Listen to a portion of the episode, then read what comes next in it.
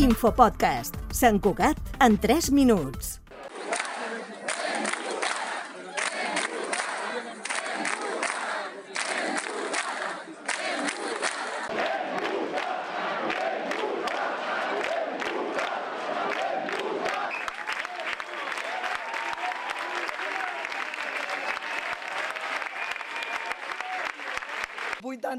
coma 92% han votat que sí.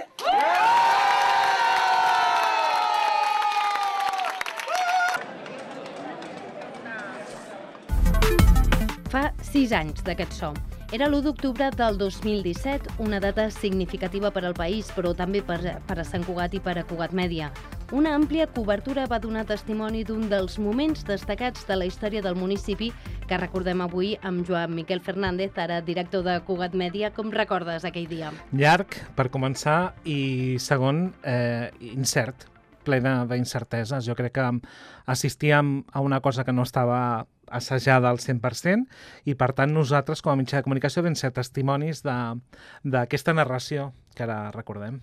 De fet, tantes incerteses en una jornada que l'alcaldessa de llavors, Mercè Conesa, llançava aquest missatge. Avui demano molta calma i molta tranquil·litat, que tinguem i mantinguem l'activitat als col·legis, que passem el dia en aquests col·legis electorals, que són mostra de que la nostra població és prou madura al segle XXI per desenvolupar un estat de veritat democràtic i de dret realment pensàvem que qualsevol cosa podia passar.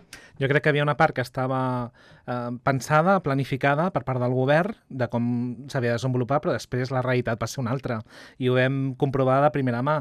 Nosaltres ens vam encarregar del primer tram del programa de ràdio especial que feia la xarxa, de dues hores, ens vam encarregar nosaltres. Va coincidir amb el moment en què arribava, en aquest cas la policia, a Sant Julià de Ramis, que era el lloc on havia de votar el, el president, es va desencadenar mm, una sèrie de circumstàncies feines um, i després també doncs, vam viure un cens universal, um, teníem aquí uh, la presidenta de la Diputació, que era també la Mercè Conesa, i per tant va començar la rumorologia que venien també aquí la Guàrdia Civil o la policia, testimonis que els havien vist.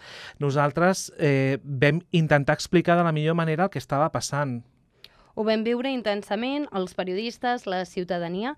Va ser una evidència de com pot arribar a col·laborar i a coordinar-se mm, el teixit associatiu i el ciutadà de peu? Jo crec que hi havia moltes ganes per part d'un sector molt concret de tirar això endavant i això es va, es va reflectir i ho vam veure. I, i això s'explicarà de Sant Cugat, però certament eh, també hi havia una altra part que desconeixíem i que potser ara comencem a entendre després d'uns anys de tot allò que no estava planificat, com s'ha desenvolupat el procés. Doncs fins aquí l'Infopodcast d'avui amb aquest tema del dia. Infopodcast. Ràdio Sant Cugat, Cugat Mèdia.